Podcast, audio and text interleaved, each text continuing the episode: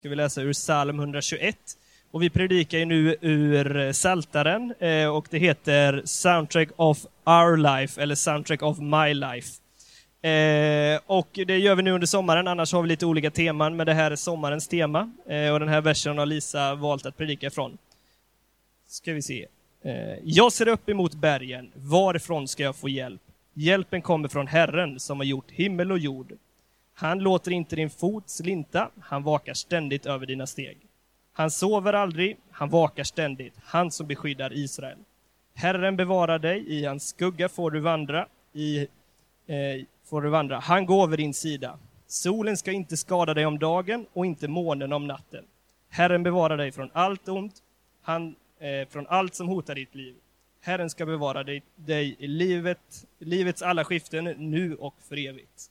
Varsågod. Ja, jag har blivit ombedd att, att tala här idag och eh, jag fick frågan då vad, jag fick faktiskt chansen att, att, välja en psalm som jag skulle få predika ur. Och eh, jag valde psalm 121. Det är en psalm som jag har levt mycket med den sista tiden, eh, det sista året skulle jag säga. Och jag tänker att vi tillsammans ska titta lite på den här texten och se vad kan vi lära oss, vad vill Gud säga genom den här texten? Och jag tror att Gud, han kommer tala till oss olika ur, ifrån den här texten. Men sitt bara med ett, med ett öppet sinne och så ska vi se och brottas lite med den här texten. Vi har predikat utifrån Saltaren som är en bok i, i Bibeln med mycket, mycket känslor. Jag är en känslomänniska, måste jag säga. Jag har lätt till både skratt och gråt och är så här sjukt empatisk så det nästan blir jobbigt ibland. Eh, och eh, därför gillar jag Saltaren för att det, den har så mycket alltså i, i, eh, i den här eh, som den, som den tar upp. Det är eh, glädje, det är sorg, det är liv, det är död, det är hopp, det är hopplöshet, det är tro och det är tvivel, det är ångest och det är lycka. Allt det här liksom finns i Saltaren som vi kan läsa. Och jag tycker att det är, eh, en, är fantastiskt att man tar med den här eh, boken i, i Bibeln för att på något sätt visa att livet med Gud, han, han innefattar allt. Liksom. Han vill ha allt vad vi, vad vi går igenom när det gäller eh, olika saker. Ja. Eh, man skulle kunna leva ett liv eh, utifrån att eh, använda sig av tomma fraser. Eh, det blir ett liv som är ganska ytligt och där man inte kommer på djupet. Och jag skulle vilja säga att Saltaren är allt annat än tomma fraser. Den innehåller väldigt mycket djup. Och frågan är inte om det är så att, att Saltaren vill hjälpa oss att komma till en djupare relation med Gud och på så sätt en mer sann relation med Gud. Jag kallar den här predikan för en ärlig relation med Gud. Och jag tänker mig att den har lite två spår. Den ena är vem är Gud? Vad kan vi lära oss av den här texten? Eh, och det andra är spåret är om, om jag, om du kan tillåta Gud att lära känna dig. Om du liksom tillåter honom att lära känna hela dig med alla de känslor och alla de situationer som du går igenom. Eller är det så här att vi väljer vissa delar i livet som vi liksom tar med Gud eller inte tar med Gud? Lite frågor att fundera igenom. Om vi tittar till eh, den första delen i den här salmen så är det så här att det står Jag ser upp mot bergen. Varifrån ska min hjälp komma? Hjälpen kommer från Herren som har gjort himmel och jord. Och frågan är, när, vi, när vi läser den här texten, vad är det vi stöter på? Är det en eh, förvirrad människa? Det är David som har skrivit den här salmen, ska jag tillägga. Är det, är det en förvirrad David som bara, varifrån ska min hjälp komma?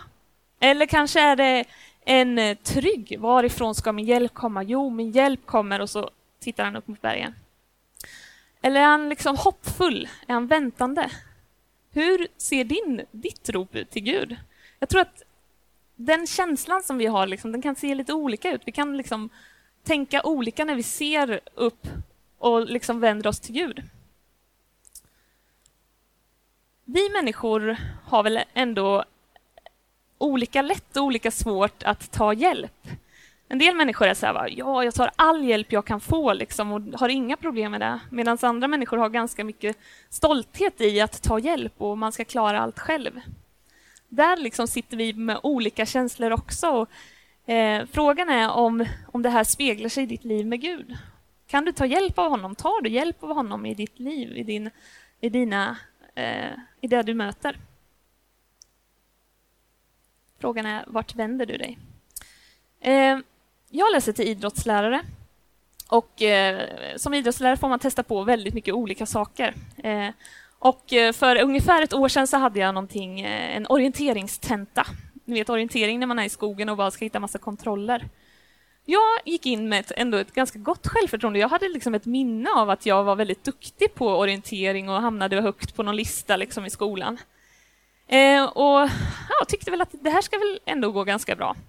Jag hamnar i skogen och ska hitta liksom sex kontroller, kommer tillbaka och det ska vara på en viss tid. Jag lämnar in min, min liksom, det jag, och så säger jag till läraren att ja, det är så här att jag är lite osäker på en. Det skulle kunna vara så. Liksom. Eh, min lärare rättar min, eh, mitt vad ska man säga, papper ni vet, med de här kontrollerna och bara tittade på mig och bara ja, du hade två rätt. Och jag bara what? Så här, eh, det var fruktansvärt jobbigt för jag, bara, jag har inte ens en, själv, eh, liksom en känsla för att jag inte har koll på det här med orientering. Ja, det var ju ändå så här, bara, hur kunde det här ske? Jag började liksom analysera det, för jag, nu är det liksom omtenta om en vecka. Då måste jag ju sätta den här tentan och börjar fundera på om jag har noll koll när jag går ut på stan eller vart, hur det är. Liksom. Eh, men då kom jag på det att jag tror att jag tittade alldeles för mycket i kartan. Jag liksom sprang med näsan neråt och bara tittade där och där. Jo, men så här ser det ut. Och så tittade man lite grann och så bara, ja, men där är jag ju liksom. Ja, ah, en kontroll, den är det. Och så tog jag den liksom. Eh, och jag, jag liksom fick tipset att titta upp. Se vad har du runt omkring dig och liksom fokusera, hitta kännetecken. Och eh, när jag läser den här texten om att lyft blicken, liksom, att titta upp mot bergen, då tänker jag att saltaren den säger till oss att lyfta blicken mot, mot bergen. Och då är frågan, kan det här betyda att vi lätt hamnar neråt med blicken? Liksom på mina egna eh, fötter, att titta liksom ner i min egen karta, när jag istället borde lyfta och se ett större perspektiv. Se Guds perspektiv, inte bara mitt egna lilla perspektiv, mina små problem, utan kunna lyfta blicken och se att Gud, han är så mycket större. I Hebreerbrevet 12 och 2, vi ska läsa därifrån, så står det så här. Låt oss ha blicken fäst vid Jesus, trons upphovsman och fullkomnare. För att vinna den glädje som väntade honom uthärdade han korset utan att bry sig om skammen och sitter nu till höger om Guds tron. Även här så talar Bibeln om att lyfta blicken och till och med se på Jesus. Jag tänker i mitt liv så är det liksom en hjälp att ibland så snöar jag in mig alldeles för lätt på allt som bara handlar om mig. Medan liksom Bibeln uppmanar mig till att lyfta blicken, titta på Jesus och försöka ha ett, ett sånt perspektiv. Frågan är, eh, det här med berg då. Det är jag ganska fascinerad av, måste jag säga. Eh, jag vet inte om du har varit i Hammarbybacken. Är det någon som har varit där? Här i Stockholm? En har varit där. Det kanske inte är något mäktigt berg sådär. Men några kanske har varit i Sälen? Är det så? Ja, det är några. Det är också så här, frågan, är det ett berg? Liksom? Det är lite mer kulligt. Liksom. Men kommer vi upp till, till Åre, där har jag varit. Nu, nu utgår jag från där jag har varit. Liksom. Eh, där börjar man ändå känna att nu börjar det hända något med, med höjden här. Det blir lite, lite mäktigare. Men för några år sedan så var jag faktiskt i Alperna. Och där liksom hopar sig bergen över. Vi ska få en bild här på, på, på bergen. Och jag älskar liksom att stå inför ett berg. För det är så mäktig känsla. Och man känner sig på ett skönt sätt, tycker jag, väldigt liten. Eh, och stå där och bara fascineras av en, någonting så vackert eh, och mäktigt. Och jag tror att när vi läser den här texten om att lyfta blicken och titta upp mot bergen så är det som att bergen talar om oss, talar till oss eller talar till mig. Jag vet inte om han talar till dig på det sättet, men om att Gud som har skapat de här bergen, han är så mäktig, han är så stor. Och fast jag är väldigt liten så, så får jag tillhöra honom men jag kan också på något sätt få ett perspektiv över mitt egna liv och vem Gud är. Jag tror att, eh, att, att förundras och bli påmind över Guds storhet är någonting som vi blir när vi tittar på ett berg eller när vi vågar lyfta blicken. Om vi går vidare till punkt nummer två Den kallar jag En Gud som älskar. Och jag älskar den här salmen för det finns så mycket omsorg och så mycket kärlek ifrån Gud till mig och till oss människor. Eh, och jag säger bara så här, försök att ta in det här. Han säger så här. Han låter inte din fot slinta. Han vakar ständigt över dina steg. Han sover aldrig. Han vakar ständigt, han som beskyddar Israel. Herren bevarar dig. I hans skugga får du vandra. Han går vid din sida. Solen ska inte skada dig om dagen och inte månen om natten. Herren bevarar dig från allt ont som hotar ditt liv. Jag tycker att det är fantastiskt. Det har gett mig så mycket hopp eh, och så mycket när, när man går igenom livet, att, att veta att Gud han bryr sig om mig. Frågan är då vad den här texten säger. Och det är ju till mycket poesi som, som eh, uttalas eller som vi läser. Eh, men vi kan ju se att Gud är en aktiv skapare, en aktiv beskyddare och en medvandrare. Det talar helt enkelt om en liten del om vem Gud är, eller en väldigt stor del skulle jag nog vilja säga. Och också då vem vi får tillhöra. Det är en vacker beskrivning av Guds kärlek till dig. Vandra i hans skugga. Sover aldrig, vakar ständigt. Låter inte din fot slinta. Och jag har haft lite sådär svårt ibland för den här texten, för när man går igenom tider av, av svårigheter och när det liksom inte känns som att allt är sådär tipptopp, då kan man ju undra vart är Gud mitt i allt det här, eller vad är, vad är grejen? Det står till och med att han ska beskydda oss från allt ont, eller egentligen från allt ont, allt som hotar ditt liv. Tänk att vi reagerar olika på det här också. En del känner säkert bara en enorm trygghet. Medan andra kanske tycker, upplever det som ett, ett hån, liksom. Att nej men, det här stämmer ju inte. Eller eh, någon annan kanske blir enormt provocerad av det.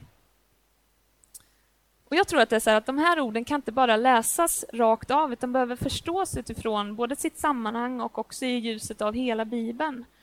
Eh, innebär ett, ett liv som troende eh, ett fullt skyddat eh, liv mot allt ont, att ingenting dåligt skulle hända.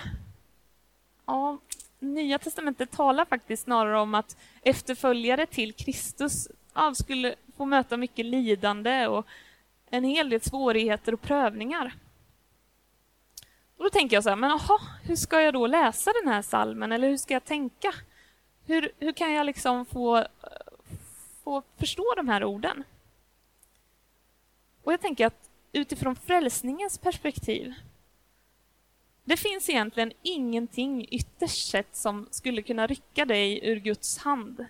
Ingen ondska som skulle kunna nå din, din själ när du lever i en relation med Gud. Det Jesus gjorde på korset för dig och för mig, det är någonting som ingen ondska kan nå. Det är liksom klubbat, det är satt i sten, det, det finns ingenting som, som skulle kunna göra att det försvinner. Om vi läser ifrån Johannes 3 och 16 till 17 så står det så här. Så älskade Gud världen att han gav den sin enda son för att de som tror på honom inte ska gå under utan ha evigt liv. Ty Gud sände inte sin son till världen för att döma världen utan för att världen skulle räddas genom honom. Vi fortsätter och läser vidare om Guds kärlek som det står i Romarbrevet 8 och 38 till 39. Ty jag är viss om att varken död eller liv, varken änglar eller andemakter, varken något som finns eller något som kommer, varken krafter i höjden eller krafter i djupet eller något annat i skapelsen ska kunna skilja oss från Guds kärlek i Kristus Jesus, vår Herre. Här har vi det igen. Liksom. Det Kristus gjorde för oss, det, det finns ingenting som kan liksom rycka det ifrån oss. Hans kärlek är så, den är så fullkomlig och ständig att det kan vi vara trygga i. Trots att vi möter en hel del ondska här på jorden. För vi lever i en värld som är orättvis och en värld som är, är fallen. Men vi tillhör en rättvis Gud.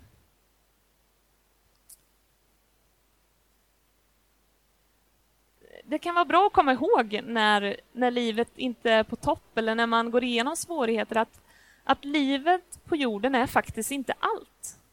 Jag tycker mig se att det, ibland vi som kristna är dåliga på att prata om att det finns någonting mycket mer än det här livet.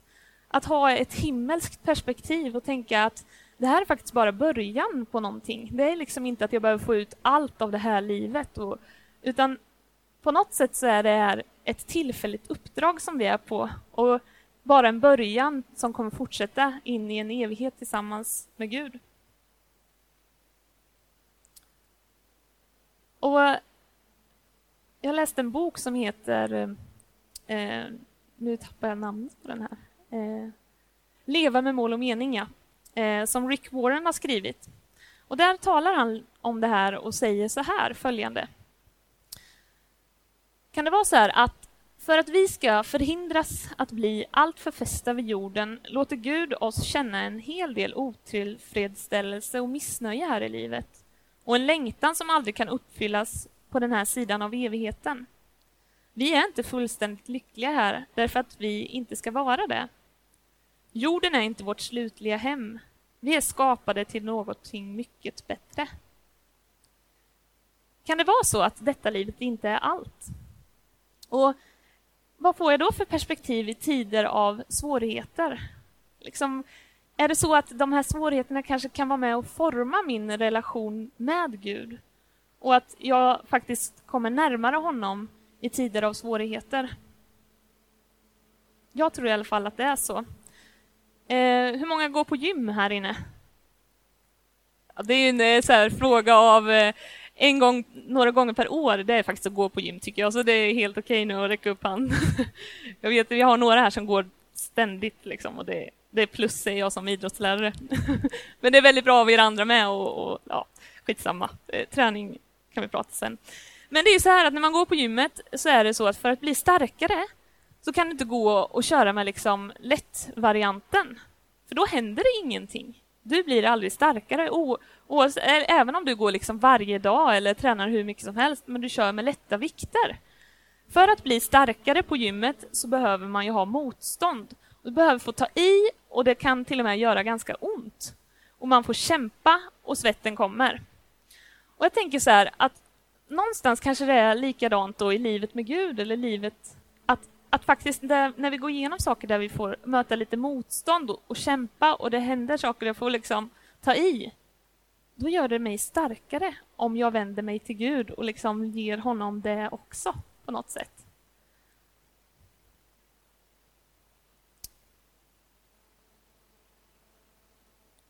Punkt tre har jag kallat för en Gud i livets alla situationer. Psalm 121 och 8, där, den versen så säger det att Herren ska bevara dig i livets alla skiften.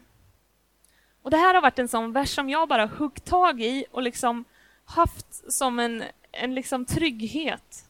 Jag får tillhöra en Gud som är med mig i alla livets skiften. Han säger inte att han är med mig bara på mina glada och lyckliga stunder eller, eller för den delen när jag går igenom någonting tufft eller när det bara är liksom sådär halvdant.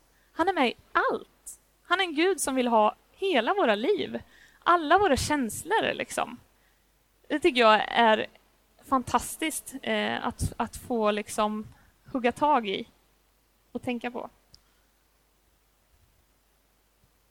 Som jag sa så så har det varit en enorm tröst för mig. Eh, och kanske speciellt för om jag tänker ett år tillbaka någonting sånt så gick jag igenom en, en tid av eh, ganska mycket depression och eh, sömnlösa nätter och en hel del ångest.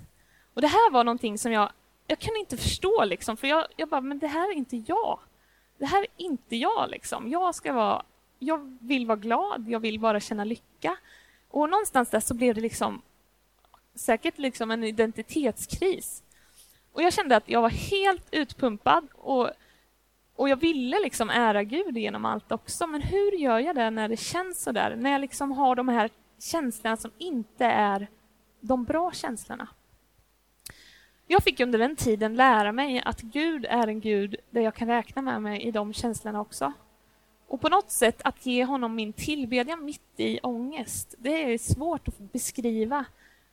Men, men jag är så glad att få tillhöra en Gud där man kan få ge honom allt.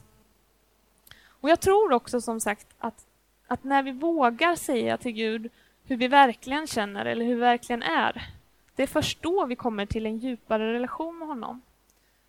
Och om vi liksom kör på med böner, kanske som vi har lärt oss, som vi rabblar eller vi tänker att jag, jag vet vad jag ska säga till Gud. Eller, det är precis likadant när vi är med människor. Ibland vet man exakt hur man ska uppföra sig för att passa in. Men jag kanske inte alls känner att det är så egentligen jag känner eller ska vara. Det blir inte på djupet då, det blir ytligt. Och Gud han utmanar oss att, att komma in i en ännu djupare relation med honom. Och då gäller det på något sätt att kunna ge honom alla känslor som vi, vi har. Och jag vet som sagt att en del har ju lätt att koppla till det här med känslor och andra har in, inte så lätt med det här att koppla med känslor. Men jag tror att, att Gud på något sätt, eller jag vet att han vill, han vill nå dig. Och du vet nog bäst hur du ska liksom svara på den responsen. Eh, och vilka, vilka känslor är det du har svårt att ge till Gud som du ändå kanske känner eller går igenom? Ehm. Det finns en man i Bibeln som heter Jakob. Och han eh, fick vara med och brottas med Gud. Jag tycker att det här är ju en jättespännande berättelse som man kan läsa om i Gamla testamentet. Ehm. Och eh, jag tänker så här, brottning, ni vet, det är riktigt nära. Så jag tror inte det finns en sport där man liksom eh, ligger närmare varandra. Det är så tajt som det bara går. Och det är extremt mycket passion, tänker jag, och mycket beslutsamhet. Och man måste kliva nära i en brottningskamp. Annars kan man aldrig liksom vinna något eller få ut något av den. Och det är som att Gud säger att jag vill ha brottningskamp med dig om det är saker som du har att göra upp med mig. Om det är saker som du liksom tänker att hur får jag ihop det här? Då är det som att Gud bara inbjuder, vi inbjuder till en brottningskamp. Om det är så att man behöver göra upp det. Och där har jag haft svårt att, att liksom på något sätt, hur gör man det? Liksom? Hur, hur, hur kan jag liksom gå in i en brottningskamp med Gud? Han är ju ändå allsmäktig, va? Eller liksom vet allt. Men han säger att det är okej okay att komma som du är. Och utifrån det sen så kommer Gud att göra massa spännande saker. Det, det är jag övertygad om. Punkt nummer fyra. Vilken relation har du med Gud? Vi är alla på olika resor eller olika processer. Eh, och vi, vi, som människor, vi har liksom vi har massa olika erfarenheter och en del tror på Gud, en del tror inte på Gud. En del har verkligen ja, gett honom allt och en del har gett honom lite kanske. Och Gud han jobbar alltid utifrån den punkten där vi är. Du får komma som du är inför honom. Eh, men det kan vara bra att tänka på hur ser min relation med Gud ut? Vågar jag ge honom alla känslor? Vågar jag ge honom alla mina stunder? Eller är det så att jag väljer ut vissa delar för att de kanske passar bättre? Jag tror att eh, en del av oss har lätt att vända sig till Gud när allt går bra. Då liksom är det fullt fokus på Gud. Eller faktiskt, en del har lätt att vända sig till Gud när allting går dåligt. Det är då jag vänder mig till Gud. Eller också kanske man är däremellan någonstans eller ja, det ser helt enkelt olika ut. Men det Gud vill, och det jag tänker när jag läser Saltaren, det är att han vill att vi ska leva. Och för mig handlar att leva, det handlar om det här spannet med alla möjliga känslor, alla möjliga situationer som kommer för. Du behöver inte liksom sätta på dig en mask för att passa in inför Gud. Du får vara den du är med det som du kommer och ge honom det. Och utifrån det så kommer han börja göra, ja, det kan inte jag säga vad han kommer göra, men han kommer möta dig där i alla fall.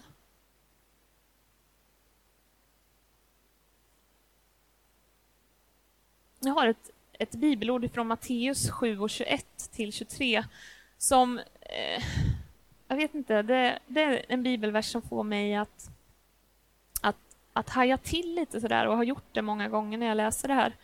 Eh, det står så här. Inte alla som säger Herre, Herre till mig ska komma in i himmelriket, utan bara de som gör min himmelske faders vilja.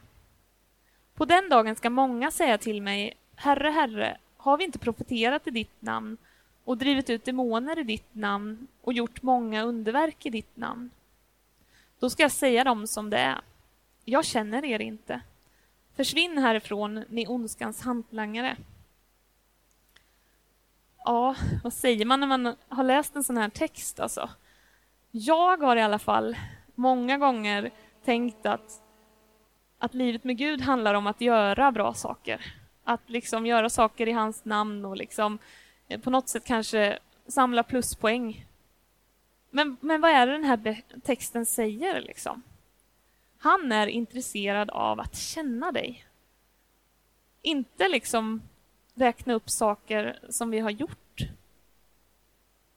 Och det är verkligen en, en fråga att stanna upp inför. Att tillåter du Gud att lära känna dig? För jag tänker att ganska ofta så kanske man tänker att livet går ut på att jag ska lära känna Gud. Men den här texten säger att det är snarare tvärtom. Att Gud han vill ha mer av, av mig. Och jag har ju tänkt så här, men är det inte så att Gud redan känner mig? Eller att han vet allt? Jo, någonstans så är det säkert så, men jag tror att den här texten den utmanar oss till att leva i en relation med Gud. Det är det som är hans fokus när han ser på våra liv. Att på något sätt ta fram äktheten i relationen. Både till människor men också till, till Gud.